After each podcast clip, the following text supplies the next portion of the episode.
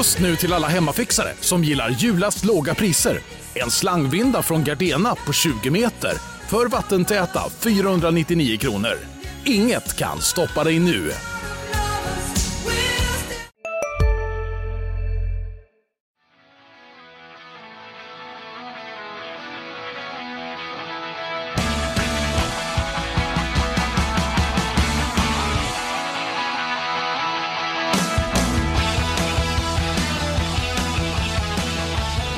Välkomna till eh, Sportklubben och eh, god fortsättning. Jag heter Jakob Collin och har med mig i veckans avsnitt av Sportklubben eh, Marcus Langbrandt, eh, ny reporter sedan ett par månader på Länstidningen. Välkommen! Tackar! Har haft en bra jul? Ja, det har varit lugnt. Sväng ute till mina päron på östgötska vischan och annars har vi gjort som farbror Stefan gänget säger att vi har tagit det lugnt. Mm, det låter bra. Men eh, nu har du varit igång här eh, efter jul och eh, du levererade lite nyheter precis. Vi spelar in det här på måndags eftermiddagen. Jag tror Mm. att det är måndag. Ja, Man blir lite dagvill Ja, så här efter jul. Och eh, ja, det visade sig att det som var bra igår blev ett bakslag idag. Ja. Eh, Andreas Hjelm klev av träningen och eh, mådde sådär efter att ha haft, eh, varit sjuk här inför jul. En av de många spelare som, mm, som hade covid-19. precis. Berätta om läget, vad vi vet inför Kristianstad-matchen. Inför idag så visste vi ju att eh, Rasmus Kajalainen var tillbaka och körde då. Eh, igår så var det ju tre gubbar borta, då det Kajalainen, Lukas Karlsson och Anton Heikkinen.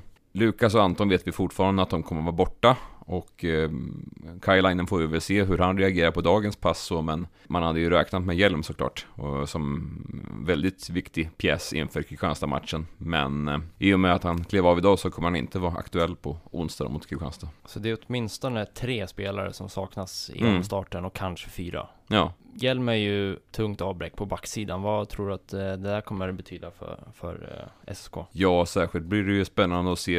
Eh, man letar väl fortfarande lösningar i powerplay framförallt och det, nu är det väl upp till dels beprövade namn som har stått lite i skuggan tidigare och dels yngre killar som kommer få chansen att spela, inte bara som en av sex utan även i powerplay verkar det som. Ja, jag satt och följde din live-rapportering från träningen här på redaktionen. Jag satt och jobbade med långläsningar inför eh, nyårsdagarna som kommer och eh, noterade att eh, både Ludvig Jansson och Axel Andersson matchades i powerplay och det Ja. var ju lite förvånande. Vi ska återkomma till det, men Yes. just, just Ludvig Jansson ser ut att få en riktig A-lagschans här nu när Mm. Hjelm är borta. Ja, men det är han väl värd. Jag tycker han har varit med och kört på rätt så bra på träningarna de sista månaderna här. Så sen J20 stängde ner så är han, han är en av de som de har lyft upp så. Och det där är något man har väntat på. Han är ju en eh, rätt omsnackad talang i Mm. klubben. Ser som ett framtidslöfte, helt klart. Ja, verkligen. Eh, han fyller 17. Eh, om han har gjort det här, det är här i mellandagarna. Jag tror att det kan vara idag faktiskt. Men bara det här att han får gå in nu och dels får han spela, verkar det som att han får spela med Oskar von Sivers och Mm. han får chansen i powerplay. Det är, det är ju allt att vinna för honom, ett riktigt drömläge. Mm, ja, men det känns som att få spela med von Sivers, det blir lite trygg eh, inledning för honom så i de vanliga 5 mot 5 spelen och sen powerplay som den såg ut så kommer väl han ta en plats ute till vänster och stå och må- måtta där i, i cirkeln. Vi får väl se om de kommer fortsätta träna på så under tisdag och onsdag med, men som det var nu i alla fall så var det så. Axel Andersson har ju stått där förut. Mm. Eh, nu blir han på point istället. Jag vet att man har pratat om det. Att var inte helt nöjda med hur han spelade som skytt. Utan eh, att han då är mer kanske av en fördelande back på blå linjen. Och då kan det passa bättre. Vi kan ju ta det när vi ändå är inne på det. Powerplay-uppställningarna. Som det ser ut här så tror jag inte att det är den uppställningen som kommer logga mest istid. Nej, Utan de hade ju en uppställning med fem forwards. Eh, som jag räknar med kommer ta minst en minut eller 1.30 till och med. Och då är det ganska bra med två backar eh, för att man kommer behöva gå över i ett 5-5 spel så småningom. precis. Där. Lindbäck, Alba, Olesen, Blomstrand och Gustafsson. Det, det låter mer som en, powerplay-formation även om det som sagt är bara, bara forwards där, men det är väl några som kan skjuta för långt håll också. Mm, jo men så är det ju. Blomstrand på blå. Mm, Det brukar ju inte vara forwards styrkor att åka baklänges genom mittzon. nej. Så att eh, den, den får vi väl se. Han gjorde det rätt bra mot eh, Västerås under en match tidigare i höst här. Och eh, då gjorde man mål också. Kanske inte ett sånt eh, powerplay-mål som man brukar se. Blomstrand tog upp pucken och sköt eh, Ja. efter blå. Just det. Men, men det blev mål likväl. Och det blir intressant att se om det fungerar. Det Mm. ställer ju en del krav på hans noggrannhet med pucken. Ja, eh, som det gäller att hålla sig- på blå. Innanför linjen så att säga. Ja, eller välja rätt passningar och så. Det är inte helt lätt att, att vara den som dikterar rytmen. Nej, ja, det, det känns som att det är någonting som man behöver kanske träna på ett par gånger innan det sitter om man säger så. Var det Hugo Gustafsson som spelade till vänster? Ja, det kan nog stämma. För det kan ju vara så att man då med, med massa leftare där väljer att, att styra mer från, från den cirkeln till vänster så att man har eh, skottalternativen från eh, både Blomstrand och Olesen. Normalt sett så är det ju Olesen som styr mest från, från högersidan och har gjort det med Bouchard. Så Mm. där behöver man hitta lite nya lösningar. Ja, det är som sagt, det är inte bara de här som är sjuka utan det är några som har ramlat ifrån sen senaste matchen. Det gör ju att det finns rätt mycket osäkerhet kring SSK. Det är inte bara att man har haft eh, omfattande coronaspridning i truppen, utan det är också den här situationen med att eh, fyra rätt bärande spelare eh, lämnat laget successivt här. Ja, Bouchard kanske allsvenskans bästa back så länge han eh, var här. Ja, men precis i, i konkurrens med några andra starka svenska namn Ja. som typ Timrås Marcus Hardegård och Tingsryds Rasmus Bengtsson och så vidare. Mm. Eh, men SSKs definitivt bästa back. Ja, man kan inte tänka sig när, när man ser eh, Bouchard både i, i spelet och även utseendet att han är så ung som han faktiskt är. Nej, Man tänker att det här är... I spelet ibland kanske, Ja. i egen zon och sådär, eh, Mm. att det ser lite ungt ut. Eh, Men, men han har bra skäggväxt för 20, Ja, 21, absolut. Så vi kan, vi kan väl gå in på det, hur man gör med backparen här nu. Det kommer ju finnas läge för någon att kliva fram. Vi fick lite Twitterfrågor om det här. Mattias Bredberg undrade hur man ska ersätta Evan Bouchard. Om det är någon som kan kliva fram eh, och om eh, Oskar von Sivers skulle kunna göra det. Och då handlar ju frågan här lite om vilka finns det offensiv uppsida på? För att det var ju det som Bouchard gav till SSK. att Den här Ja. offensiva slagkraften och mm. eh, förmågan att få tryck i anfallszon och eh, få upp pucken bra till forwards fart och sådär. Hans uppspels var ju jättefina första passningar och så vidare. Det var också en back som SSK-coacherna älskar att starta i offensiv zon. Han och eh, Falk fick ju två av tre byten, eh, börja med tekning offensivt. Så det är ju frågan vilka som går in där. Hjelm hade ju varit det naturliga valet. precis. Därför tycker jag det är lite intressant att när Hjelm nu inte är med så får Jansson spela med von Sivers. För Mm. Hjelm och von Sivers skulle ju kunna vara ett första backpar som man matchar mycket offensivt. Ja, nej för nu, nu körde ju eh, Falk med Bobo Pettersson som ju lyfts upp som också blir ordinarie back och som varit lite i skymundan efter eh, kanske mindre god start för hans del av säsongen och sen har speltiden blivit därefter på slutet framförallt. Ja, och det är inte ett backpar som känns som ett offensivt backpar. Falk Nej. är ju en tvåvägsback som är, som är ganska flexibel beroende på vem man spelar med. Men eh, Pettersson har ju sina eg- främsta egenskaper i defensiven. Eh, och det är ett backpar som SSK testade lite, lite, lite förra säsongen i fem matcher innan eh, Falk gick sönder. Han bröt foten i, i slutet av september borta mot Västerås. Det gick väl okej okej sett till de små underliggande siffror de hade. Jag kollat på det här innan. Men de hade lite otur. Jag vet inte om det berodde på kvaliteten på chanserna de släppte till eller om de bara hade eh, taskigt flyt med målvaktsspelet. Så de gick 0-4 i de matcherna. Men Eh, klassiska starten av säsongen för SSK som har varit sista åren tycker man. Ja, kanske lite så, men de var liksom eh, ungefär 50-50 i chanser och skott på mål och sådär. Så att det var Ja. ingen liksom katastrof, men det var kanske inte superlovande heller. Så vi får se vad det ger. Och sen har vi då Henrik Malmström och Axel Andersson. Precis. Malmström har ju varit en uteslutande nästan defensiv stoppare här nu på slutet med von Sivers. Nu kanske det blir lite med tvåvägs eh, Ja, stuk på det backparet. mm, det, det är någon som måste hitta på någonting som man vanligtvis inte gör av de här fem Ja men precis, vuxna pojkarna om man säger så. Precis, både i Falk och Petersson och eh, Malmström och, och, och Andersson så finns det utrymme om, om någon lyfter sitt spel, framförallt då med pucken, att inte Mm. bara blir det här backparet som startar i defensiv zon. Men eh, personligen så ser jag nog bara lite offensiv uppsida i von Sivers som värvades för att vara bra där, lite har spelat powerplay tidigare i karriären och var vass under försäsongen. Och förmodligen i Axel Andersson, jag vill tro det i alla fall. Ja, Där hade man kanske väntat sig att han skulle vara mera liksom ah, bestämd, resolut, dominant sådär, men har varit lite, var lite trevande i början på säsongen, letat efter sin roll och sådär. Har sett bättre ut och kan nog mer än, än han har visat så här långt. Så där hoppas man kanske kunna få se en utveckling. ja. Eh, och sen då förstås Ludvig Jansson, men jag vill inte lägga massa Nej, press på, nej. en, se- på en 17-åring så. precis. Ja, Eh, igår fyllde han faktiskt 17. Ja, han gjorde det. Ja. Och de andra, det, det känns inte som att det finns så mycket mer offensivt där. Kanske, kanske Alexander Falk, men det är ungefär det.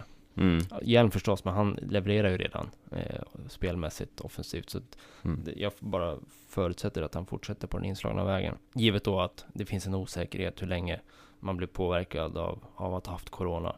Ja. Jag har ju sett till exempel i Västerås som under december fick två av sina centrar, eh, Isak Skedung och eh, Joakim Hilding, sjukskrivna för att de mådde så pass dåligt efteråt. Eh, Hilding han berättade om hur han knappt orkade med liksom vardagslivet med familjen för att det tog så mycket kraft att återhämta sig mellan matcherna. Så där kan det ju bli ja. i SSK också. Ja, nej, men det är nya situationer liksom. Ja. He, hela det här året, det är ingen som vet egentligen hur man... eh, Det, det, det, det visst, det är elitidrottsmän det här, men det är olika. Vi har alla individuella fysiska förutsättningar och ändå i grunden så v- vad händer liksom Mm. när alla har liksom avstått träningar i, i två veckor och varit sjuka på olika sätt och ja, och vad har man för bakomliggande liksom i, i sen tidigare. Det, ja, det är så svårt hur man kommer reagera. Sen är det ju väldigt, de är väldigt noga vad jag förstått i SSK att man ska ta det lugnt. Man har eh, hela tiden avstämningar nästan flera gånger om dagen. Hur, hur, hur mår ni liksom? Hur kommer ni kunna träna imorgon och så vidare. Så, Och det är väldigt bra. ja, Men det kan ju fortfarande sätta sig på, på Ja. lungor och, Mm. och så vidare. nej det vet man ju inte. Någonstans så har man ju skaffat sig ändå en buffert. Man sitter ganska stabilt topp 5 just nu. Man har marginal om man skulle få en liten tyngre period här ett par veckor efter nyår. Ja, att ändå hade- hålla sig flytande. Mm, hade det varit annat om om man verkligen hade legat, säg 7-8 istället för 3-4 som man är nu, då kanske man hade börjat fundera lite grann. Men som sagt, nu, nu finns det någon slags marginal ändå. Man har spelat mer eller mindre prick hälften av grundserien också. Mm. Ja, man kan ju ha sympati med Kristianstads sits Mm. där till exempel, som också har haft två slängar av Ja, Corona i truppen. ja. Har jättemånga matcher kvar att spela, de har bara, bara spelat 19 19, spel, omgångar ja. och ligger skrynkligt till. Eh, Ja. Inte lätta förutsättningar där. Nej du. Men kedjorna då? Där fattas det också folk. Eh, Mm. Karlsson Heikkinen är förmodligen borta. Kailainen kanske kan komma till spel. Ja. Och eh, när jag tittar på kedjorna som du har med dig från träningen, så det känns som att det kommer gå ganska tungt på tre enheter på Mm. onsdag. ja, men så, så är det ju. De har ju nästan kört, de hade ju de har haft fem, sex juniorer med liksom för utfyllnad eh, alla pass som vi har sett hittills här så. Så det är nog rimligt att det kommer gå runt på tre. Den enda som är intakt, det är Gustafsson, Lindbäck och Blomstrand. Den har varit bra, kanske den bästa under Ja, hösten. ja den, får de ju, den, den ändrar man inte på i, i första taget. Då, då får de faktiskt vara sjuka om det ska, verkligen ska separeras. För annars har man ju bläddrat runt lite bland forwards. Mm. Eh, Emil Alba, Aronsson och Olesen ser ut att vara en kedja. Ja, den är minst sagt intressant. De kommer från olika formationer, olika egenskaper och en av dem har ju varit på och testat på högre division här ganska nyligen så Mm. kommer in med sådana erfarenheter också. Ja, Nick ser ut att vara i bra form över julen. Mm. Verkligen. Han gjorde ju eh, stort avtryck i SHL. Ja. Nu är han tillbaka så ingen behöver fundera mer på det för tillfället. Eh, men eh, Emil Aronsson, han får ju kliva högre upp i hierarkin här som han har gjort några gånger under säsongen. Framförallt kanske under försäsongen. Nu har man ju nytta av hans flexibilitet lite. Att han kan ta en sån roll. Ja, Eh, Medan då Bailey får spela med Kristoffer Bengtsson och Jakob Dahlström, ser det ut som. mm. gå in som eh, center igen för det är väl det han ska vara. Eh, I den formationen, absolut Mm. center. Och kommer nog behöva vara det ett tag. Ja, nej, de, ju- före uppehållet testade man ju till och med Simon Andersson som center med Bailey på en vinge och det, det hjälpte inte för Baileys poängproduktion om man säger så.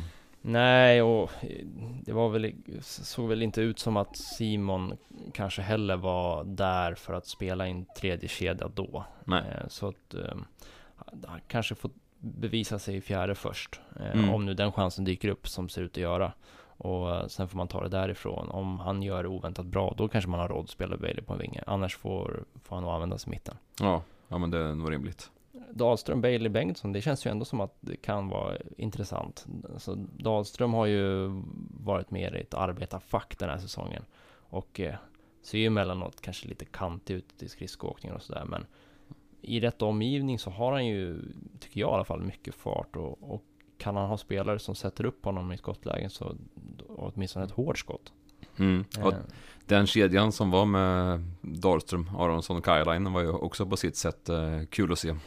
Ja, precis. Inget skönspel, men de, de, eh, de, det är ju verkligen en blåställskedja som sliter ont. Och det är inget snack om att i den där eh, trion så kommer Dahlström få gräva fram puckar till Bailey och Bengtsson som ska Mm. stå för liret. Ja. Det kan nog eh, fungera rätt bra tror jag. Mm, ja, Bengtsson visar ju direkt över sitt, eh, sin skadefrånvaro att han eh, visste vart målet stod fortfarande. Ja, och det är ju dags. Eh, Där behöver man ju få eh, både matcher och, poäng av, Bengtsson. Eh, Det är nog viktigt för honom också. Vi kommer till det senare, men han Mm. har ju ett utgående kontrakt. Och eh, behöver nog visa att han kan hålla sig på banan. Vem tror du är närmast till hands av eh, juniorerna att få eh, chansen i fjärde kedjan? Jag har sett för lite av dem ärligt talat. Ehm, Hugo det- Pettersson tror jag Mm. ligger bra till. Han har ju varit med mycket under hösten. Ja, ja, men, ja, och han var med idag och tränade också. Han var inte med igår om jag inte eh, är helt ute och cyklar här. Men det är nog det namnet i så fall som man, man har någon slags känsla för. Mm. Bra, sen är det ju en fråga till. Mhm. Målvakterna, vem står? Det är också ett stort hål som, som blir efter Filip Gustafsson. Ja, de har ju båda fått testa på eh, division 1-spel här under december eh, först och främst. Och i, eh, med, med olika, så att säga, klass på försvarsspel de har haft framför sig. Och, men av de rapporter jag har fått egentligen så har väl Salin närmast stått på huvudet i, i Strömsbro och nu, nu hänger ju den serien dinglar lite grann också med uppskjutna matcher och så. Men han, han var ju starkt bidragande till att de i alla fall eh, knöt ihop ett. Mm. Så eh, ska man se det på det sättet så kommer väl han in med en bättre känsla antar jag än vad Bergvik hade i Segeltorp var det va? Eller vad det var? Ja men precis. Ja. Segeltorp var ju å andra sidan otroligt svagt Mm. försvarsmässigt. Ja. Det, det säger ju en del när man kommer in, släpper in fyra mål per match och Mm. eh, sänker lagets snitt på insläppta mål. Ja. Så den hade nog inte en lätt uppgift där, men Nej, det Jag- var väl ingen av målvakterna där som de har testat. De har väl testat fyra, fem målvakter och ingen har över 90 räddningsprocent. Så nej. Så att eh, kanske backar de behöver. Skulle tro det. Men mind, mindre om Segeltorp. Jag, jag tror att eh, Salin i mån av matchform står, står mot Kristianstad. Mm. Men sen kommer det vara rätt jämnt under våren och båda har möjlighet att spela till sig första positionen tror jag här under säsongen. Ja, det är betydligt mer jämnt nu än vad det Ja. var med, med Gustafsson här så. Och med tanke på hur det såg ut under försäsongen så är jag ganska övertygad om att eh, både lagklubb och lagledningen eh, och målvaktstränaren Kalle Brattenberg är ganska så nyfikna på att se vad Fredrik Bergvik kan göra och hur han kan utvecklas här under våren. Ja, ja men det, det är lite...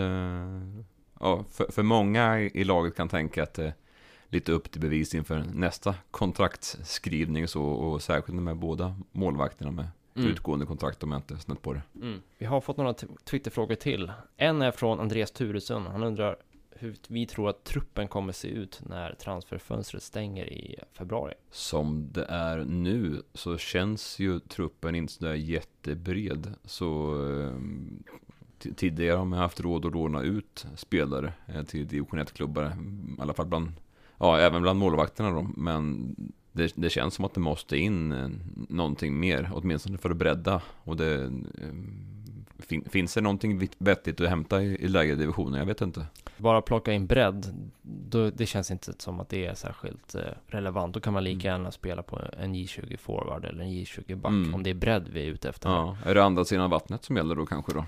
Jag tror snarare på att det handlar om lån. SSK har ju två SHL-lån kvar. Man har inte utnyttjat någon av dem. Nej. Och jag tror att Micke Samuelsson inte är oäven för att om det finns utrymme i budgeten ehm, ta in en spelare och spetsa truppen sent som man gjorde med Filip Ahl när han bröt med Karlskoga. Ju längre man kan vänta desto mer kvalitet kan man få för samma pengar. Så bli inte förvånad om eh, han väntar länge, ända kanske in i februari, att göra någonting. Det finns också en faktor som, som han har varit inne på kring JVM. Att om det är spelare som tar för sig där och visar sig ha kvaliteter som kanske gör att de behöver spela mer i en SHL-klubb eh, Då kan de bli aktuella för lån till Hockeyallsvenskan. Det kan vara något som påverkar. Eller så är de så pass bra att SHL-klubben känner att de behöver gå in i, i den ordinarie hierarkin där uppe. Då kanske någon annan hamnar utanför och kan bli aktuell för ett lån. Så se vad som händer efter JVM kan också spela roll. Plus vilka av de här eh, som har varit i Södertälje kommer spela i, i NHL, AHL. Jag vet inte riktigt hur läget är men är det givet att Vejdemo till exempel eh, ta plats i Montreal.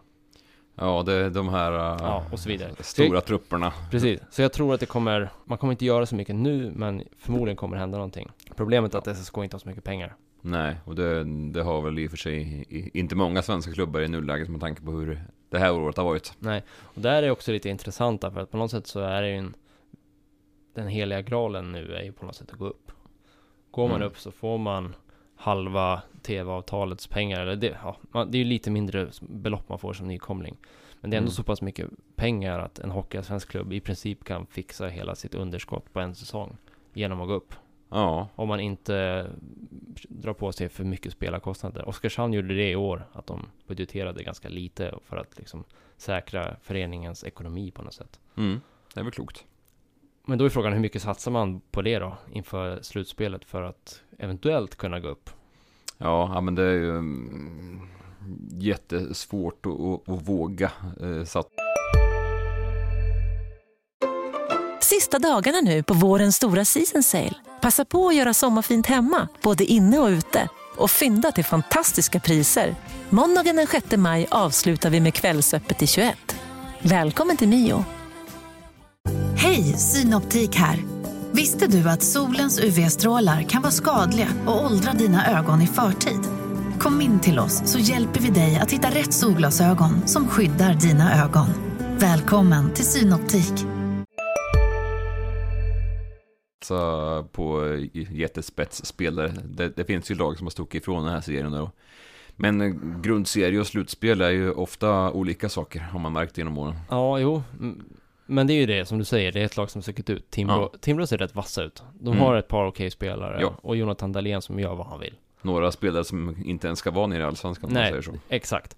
Så man ska alltså vinna mot Timrå bäst av sju matcher i slutet av slutspelet. Ja. Och då, de har förlorat tre matcher på hela säsongen hittills. Ja, låt, låter småtufft spontant. Ja men det gör ju det. Sen Mm. vet man med hockey, det, det, i ett slutspel så handlar det ofta om vi- vilket lag som är mest skadefritt i slutet. Tur och otur spelar ju in på sådana där grejer också. Ja, och sen ska man få gå upp också. Sen när, när om de nu får för sig att blåsa av slutspelet i år med. Ja men precis. Eh, samtidigt så, det känns ju kanske inte som att det är läge att trycka all in på rött bara för att man ligger topp 5 nu och har en chans. Mm, Dels med tanke på hur utsatt ekonomin är, Mm. dels med tanke på hur bra Timrå faktiskt är.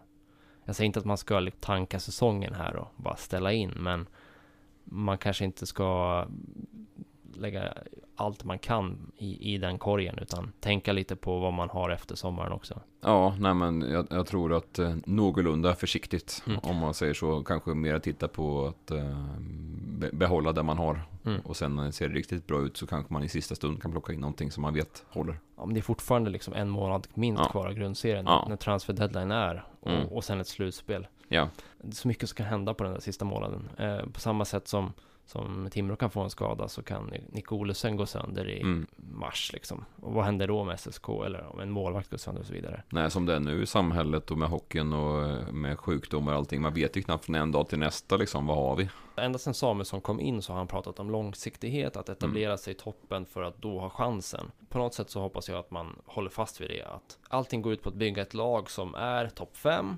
Och är man topp 5, ja men då har man en någorlunda chans i ett slutspel. Om man är då topp 5 tillräckligt många år i rad, förr eller senare, så får man den där fullträffen och då går man upp. Håller man sig till det så tror jag att det kommer löna sig långsiktigt, istället för att ta en chansning och sen få en baksmälla som vi har sett AIK till exempel få. Precis. När de har missat. Så jag tycker inte att det är värt det.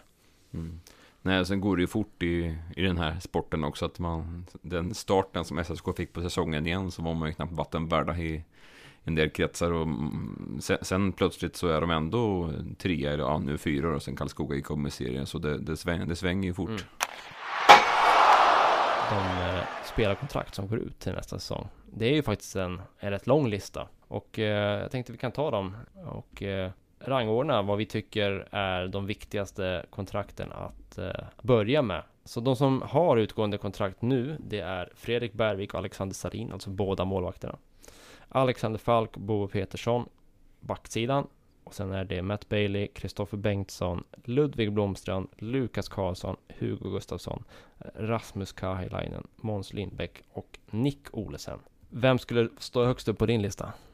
Ska man tänka långsiktigt och framtid och sådär så jag fastnar direkt på Hugo Gustafssons namn. Mm, ja, så känns det för mig också att det är nummer ett. Också för att han är från orten. Mm. Eh, Det är värt någonting att han har börjat i hockeyskolan i Scaniarinken. Ja. Sen är tror inte jag att Hugo är en spelare som man kommer få behålla om man är kvar i Hockeyallsvenskan på sikt. Det är ju bara frågan om när han spelar i SHL och om SSK är där samtidigt. Ja, Men kan man få en säsong till så Mm. skriv det kontraktet på en gång. ja nej, men jag tror att han, han skulle nog må bra av en säsong till i Allsvenskan med SSK. Sen vad, vad det leder till då för laget, det men får vi precis. se då. Den här säsongen har kanske inte blivit vad han hade tänkt så här långt. Eh, nu börjar han ju nosa lite på powerplay istid och sådär. Mm, Och det var väl något han hade som mål inför året. precis.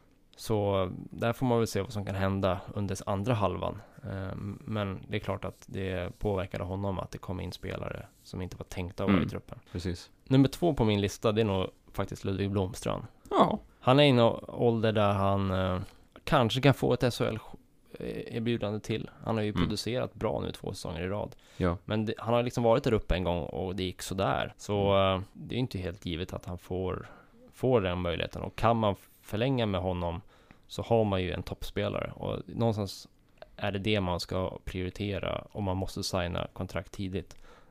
Säkra toppspelare. De, de som är i Ja. mitten, de kan ju Mm. eh, man var lite kallare med. Så Blomstrand, ja. För jag förutsätter att Nick Olesen inte spelar i Hockeyallsvenskan. Eh, vi, vi tänker väl oss att han har levererat så pass bra på den här nivån så att han är, åtminstone är värd chansen och man ser att han har kvaliteten också av det han har visat på kort eh, sikt i Oskarshamn i alla fall. Ja, jag tror inte någon sportchef blir avskräckt i alla fall. Nej, inte direkt. Eh, så det är nästan så att jag tänker att man ja, prioriterar de andra som man har större chans att behålla. Går SSK upp i SHL så är det förstås andra, sak. andra, sak, Mm. andra förutsättningar. Men vi, någonstans får vi när vi sitter här räkna med att de inte gör det, kan jag känna. Mm. Nummer tre då, vem hade du haft på Eller hade du haft någon annan två än Blomstrand? Nej, men jag stod nog och vinglade lite mellan Blomstrand och Måns Lindbäck kanske. Mm. Lindbäck är ju lite som eh, Hugo där, att det är lite Mm. mera långsiktighet i, i Hugo. Mm. Eller i, i Måns. Jag undrar om inte han också kan vara förlorad för SHL. Ja, ja det, det finns ju... mm, Nu har han ju visat att han kan leverera bra hockey i alla spelformer. Mm. Sånt läge i karriären att det kanske är dags att ta en sån chans. Ja men precis. Det kan ju vara så att man blir fast annars, om man inte går. Ja. Vad säger du om Lukas Karlsson då? Också eh, minst sagt en eh, kugge i SSK-maskineriet Mm. sen många matcher tillbaka. Han har passerat 350 matcher nu så det, det, det känner jag också att det, det, det är nog ehm, Ja, han, han har ju fortfarande fortsatt att utvecklas och blivit ännu vassare som tekare bland annat. Mm. Så ehm, ja men, ja, men jag tycker att han ska, man ska absolut ta, ta snacket. Gör han en bra var, vår så är han fyra på min lista ändå. Mm. Eh, För att han dels har den här spelmässiga potentialen som, som vi som har följt hans karriär alltid har sett med. Han har ju ett riktigt bra spelsinne och är skicklig, eh, Mm. bra i powerplay, kan spela både center och forward. Fantastiskt bra på att bära puck eh, upp i anfallszon. Jag tror att eh, han skulle kunna också bli, precis som, som Blomstrand, någon att bygga lite kontinuitet kring. Så att eh, Karlsson ser jag ju gärna att man behåller. Det är också så här, Kulturbärare. Ja, men precis. Eh, bra att ha de som varit med ett tag. Ja. Eh, någonstans fin- tycker jag i alla fall att det finns ett värde i att ha åtminstone någon kvar som vet hur det var när man spelade Hockeyettan och det var Mm. lite annat läge i klubben och Precis. den resan man har gjort. Mm. Gustafsson, Blomstrand, Lindbäck, Karlsson. Vem adderar vi till den? För vi räknar bort Nico Olofsson. Mm. Jag skulle nog vänta med till exempel en sån som Kristoffer Bengtsson. Men det är svårt, för att han har otroligt mycket kvalitet. Ja, det, det finns ju grejer där. Men han behöver visa att han kan Ja. hålla sig frisk Ja. och hel. Det räcker liksom inte att spela hal halva säsongen. Och särskilt inte nästa år, när man förmodligen kommer behöva dra ner på spelarbudgeten så kan man ju inte betala för någon som, som kör rehab. Nej. Utan det kan ju vara en spelare som, En målskytt som är på läktaren. Det, ja men det kan Mm. vara en spelare som man ser om man tar sig igenom sommaren på ett bra sätt. Hockeymässigt när han är hel och i form så är det ingen som bestrider hans kvalitet. nej, precis. Då är han ju en toppspelare. Men hela förra säsongen hade han problem och, och han har inte spelat Har han spelat ens 10 matcher i år? Det är väl någonstans där. Ja, och det, det gör ju att man blir lite tveksam. Särskilt när det är den här typen av muskelskador också, som lätt återkommer. Ja. Och alltså, det är samma med, med Bailey. Alltså om inte han avslutar superstarkt då är en sån karaktär som alla älskar och man vill verkligen se att han skulle kunna stanna ett par år och vara nyttig. Så kan man ju också avvakta och se vad som, vad som händer. Mm, ja, det är lite lyxvara att plocka in en eh, kanadensisk eh, spelare som inte riktigt lyfter laget på det här sättet Mm. i poängproduktion och sånt. Och sen, sen är väl inte han den typen av spelare heller egentligen, att han ska leverera poäng. Det är väl inte det hans eh, grundgrej är så att säga. Rasmus Kajlainen då, där kan det finnas lite framtidspotential. Kan jag Mm. känna. Ja, ja det, det är ju ehm, en frejdig forward. Ja. Och, och eh, ett, eh, ett normalt år så absolut så hade man ju velat eh, ha honom kvar. Och det hoppas jag man ju att det finns eh, utrymme för. Men ehm, ja, ja, jag vet inte. Hur skulle du göra med backsidan? Falco Pettersson? Jag vet inte med Pettersson. Han, han hamnar ju lite utanför och han är ju kanske beroende av speltiden för att det ska kunna mm, hända saker. Och det har han väl inte fått lika mycket till den här eh, säsongen. Så jag undrar om inte eh, han får se sig om efter någonting annat efter eh, den här säsongen. Mm, det tror jag också. Eh, det av lite olika skäl. Dels så kommer han ju från SHL så att han har Mm. ju inte en av de billigaste lönerna Nej. i laget. Och eh, är det något man har märkt så är det att Micke Samuelsson, han vill att spelarna ska leverera efter ja, vad de kostar och så. Ja, han är mycket business, det är lite NHL-tänk så. Jag ser inte att, att Petersson någonstans levererar som han var, förväntades göra när han kom från Djurgården och SHL. Mm. Och, och då blir det antingen en, en förhandling där han måste gå ner i lön eller förmodligen se sig om efter ett annat kontrakt i en annan liga eller annan eh, hockeyallsvensk klubb. Mm. Nej, och vem vill, vem vill ha lägre lön till nästa år? Men det är ju det. Mm. Eh, det är ju det. Och för det de betalar så behöver SSK få ut, tror jag, om man ska kunna gå upp, en bättre spelare. Om inget extraordinärt händer under våren så är det nog eh, eh, att man ser sig om efter nya alternativ. Mm. Men någonstans behöver ju SK också eh, försöka förbättra laget om det går och hitta lite uppgraderingar i marginalen. Eh, och Alexander Falk, absolut en stabil back som eh, jag tror kan få förlängt. Men det beror också på vad som finns på marknaden och vad Precis. han kostar och sådär. Mm. Kanske inte någon som man behöver superstressa med. Det beror väl på vad man hör i övrigt. Men man har Malmström på kontrakt, man har von Sivers på kontrakt, Mm. man har Hjelm på kontrakt. Jag tror inte att en left-out back kommer vara prio ett för SSK nästa säsong. Eh, det kan göra att man sitter lite lugnare där. Ja, målvakterna. Fredrik Bergvik är lite yngre. Eh, Ja. Alexander Salin har varit med länge. En av de som varit med längst i klubben. Precis. Ja, det är hur, hur man värderar och, och om det är någon som verkligen utkristalliserar sig till första målvakt under våren som kliver fram. Det, är- det är väl det som det hänger på där också. Eh, Det hade ju varit synd att, att skicka båda om man säger. Eh, Om man nu ska titta på eh, en, en, ett annat namn utifrån där. Jag tror att om ingen visar en ny nivå som de inte haft tidigare Mm. ehm, så eh, behöver man ha en ny första målvakt. Ja. Jag tror inte, alltså Salin har varit här länge nu och han sa själv inför säsongen att det är nu eller aldrig om han ska komma upp i en nivå där liksom han kan få chansen i SHL och så vidare. Ta det Mm. sista, nästa steg. Ja, Det det, känns det undrar jag om det finns. Det känns inte som att det kommer. Om det är något som de här två säsongerna har visat så är det att vilken effekt en målvakt kan ha på laget. Förra säsongen så fick man en skjuts när Pogge kom in Mm. och i år så har ju Filip Gustafsson varit otroligt bra. Man behöver en topp tre målvakt topp, så för att kunna utmana Mm. om SHL. Jag ser inte att eh, Salin kommer vara det för SSK. Så jag tror också att det är nog läge för eh, ett, ett skifte där.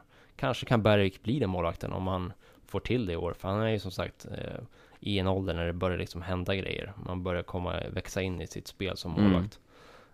Ju- så ja, kanske att han kan bli kvar. Men eh, det kan, jag har inte svårt att se att man nollställer och, och börjar om heller. Det beror på vad som finns. Men eh, ja, jag tror tyvärr eh, att Salin kanske får flytta. Ja, nej men man, man blir ju lätt Man blir nos- nostalgisk, nostalgisk ja. Ja, ja. exakt. Absolut. Ehm, och ja, fyller 30 nästa år och ehm, nej, ja, men det, Det är en sån utsatt position skeptisk. också. Man Ja. måste kunna vinna Mm. liksom. ja, Eh, Det räcker ju inte med att vara någorlunda bra och ha, han har, Mm. han, grejen med, han är ju en sån här målvakt som alltid gör några riktigt riktigt avancerade räddningar. Eh, Mm. Man skulle kunna säga varje säsong, men det är nästan så att man ser någonting varje träning man är på. Ja. Ehm, men misstagen är lite för många också. och Det gör att det bara är lite inkonsekvent uh, över säsongen. Att han har perioder när han är, som förra våren, där han är magnifik. Och sen har han svackor när han inte är så pålitlig. Och det där blir ju Mm. svårt om det kommer en sån period i ett slutspel till exempel. Eh, Men han har ju vunnit kvalserier och sådär för SSKs del. Så att eh, han har varit är riktigt bra målvakt så. Men eh, är det någon som kan få laget över tröskeln? Det är ju sånt som Samuelsson får ta ställning till. Mm. Och eh, för varje år som går så eh, ja, ha, minskar ju den chansen känns det som. Mm. Mm. Nej men om, om man ska se nuläget så känns det ju inte som att någon är av eh, varken Bergvik eller- Salin nuläget är någon första målvakt egentligen. Så det det är väl kanske där som man måste titta på förstärkningen egentligen. Alright. På tal om kontrakt och sådär så har ju du varit här i två månader drygt. Mm, ja, en och en halv, Mm. vad börjar jag? 11 november. Precis. Ja. Hade en riktigt bra streak där i början. Det var när du kom in som det började Ja, ramla in när jag, tre poängare. när jag signade för LT så fick SSK sex raka trepoängare och, och sju raka matcher med poäng. Ja, den omvända jinxen mot vad det blev för hjälm nu då efter artikeln i, igår. Lite grann så ja. Ja, så jag tänkte att vi eh, avrundar podden med eh, en liten, en liten quiz. Mm. Jag var nämligen nere på supportershoppen här och köpte eh, SSK-arnas eh, frågesportspel och tänkte det kan ju vara kul. Så det, det kommer bli fem frågor här på lite olika det- svå- svårighetsnivå. Är det frågor från senaste månaden så kanske jag är med, men annars så... Ja, det är som sagt lite olika svårighetsnivå så att eh, vi börjar med den svåraste för 10 poäng och sen Ja. så jobbar vi oss neråt. Ja, jag brukar gilla frågesport, men just i, i det här fallet så undrar jag hur, hur jag kan leverera. Ja, för 10 poäng då så vilken spelare drabbades av eksem säsongen 08-09? Ja, det, det, det vågar jag inte ens gissa. Det här är en klassiker. Det var Hannes Hyvönen som eh, under eh, märkliga former eh, försvann ur laguppställningen och sen kort senare lämnade SSK. Var det dåligt Kom in- tvättade handskar eller? han kom inte överens med eh, sportchefen då. Jag tror att det var Nyman som var sportchef. Ja. Och eh, han var ju tänkt att vara den stora stjärnan Ja. och eh, ja, såldes till Finland. Eh, sen är det lite, för åtta poäng då, lite lokalkännedom. Vid eh, vilken lokal pizzeria kan man eh, ofta skymta Irish Schläger? Enligt sägnen. Oh, det här eh, har jag nog hört. Men, men än så länge har jag inte känt på det onyttiga livet i Södertälje, så jag får nog passa på den. Ja, det är ju eh, Lilla Mimos, eller Lilla Venezia, Mimos heter den. Det är ett eh, klassiskt idrottshak i Marichal. Just det. Så att, eh, där har vi ett eh, arbete att göra här på LT-sporten och, och eh, Vi får gå dit och, och wallraffa. precis. Eh, sen är det ett klassiskt vägskäl i SSKs eh, moderna historia kan man säga. Eh, aldrig sedan dess har SSK legat lika bra till i SHL, dåvarande elitserien. Men vilken tränare fick sparken dagen innan nyårsafton 2002? 2002.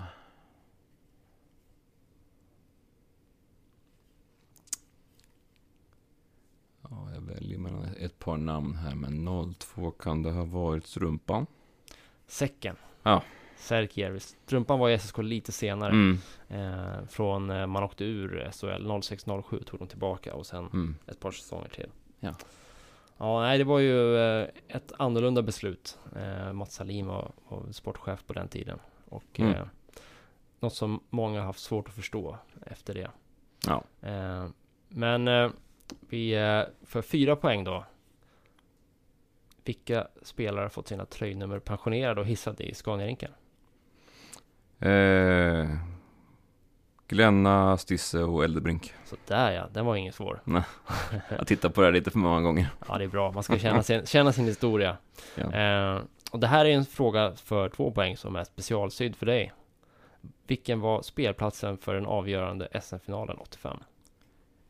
Himmelstalundshallen. Ja, det stämmer. Det, det är ju din bakgård. Hörru du, det är för nu skötte så det är riktigt bra du.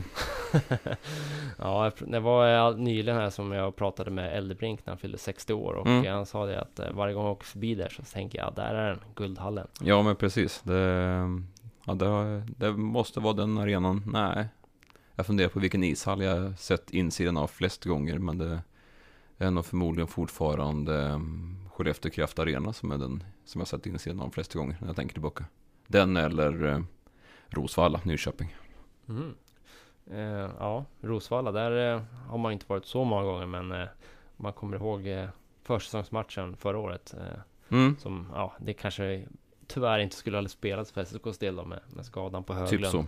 Men eh, ja, Helt okej okay resultat ändå. Vi får åka till Mim och äta lunch. Ja, jag. jag. tror att det, det är eh, så, sånt man gör eh, efter nyåret när man ska ta nya tag i sin hälsa och sin eh, kost. Då är det, då är det en pizza som gäller. Ja. Perfekt. Nyårslöfte på den. Ja. Men med det så tycker jag att vi, vi rundar av här. Kul att ha dig med i första podden. Det får bli fler gånger. Ja, nästa gång ska jag försöka inte vara så mycket gäst. Utan nu kanske jag lärt mig lite mer också. Och eh, vi är tillbaka med nya avsnitt efter nyår när SSK förhoppningsvis har spelat en och två matcher till. Med det så får vi önska gott nytt år och god fortsättning och tusen tack för att ni lyssnar och eh, att ni har orkat lyssna genom det här avsnittet så eh, ser vi vad 2021 har att bjuda på för Södertäljes del. Och ja, jag och Marcus säger på återhörande. Adjö.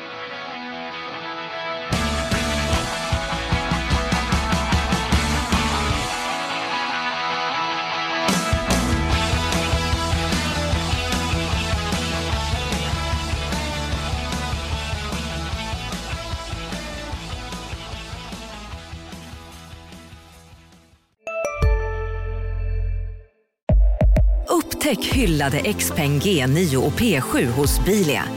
Våra produktspecialister hjälper dig att hitta rätt modell för just dig. Boka din provkörning på bilia.se xpeng redan idag. Välkommen till Bilia, din specialist på XPeng. Ja? Hallå? Pizzeria Grandiosa? Ä Jag vill ha en Grandiosa capriciosa och en pepperoni. något mer? Mm, kaffefilter. Ja, Okej, okay. ses samma. Grandiosa, hela Sveriges hempizza. Den med mycket på.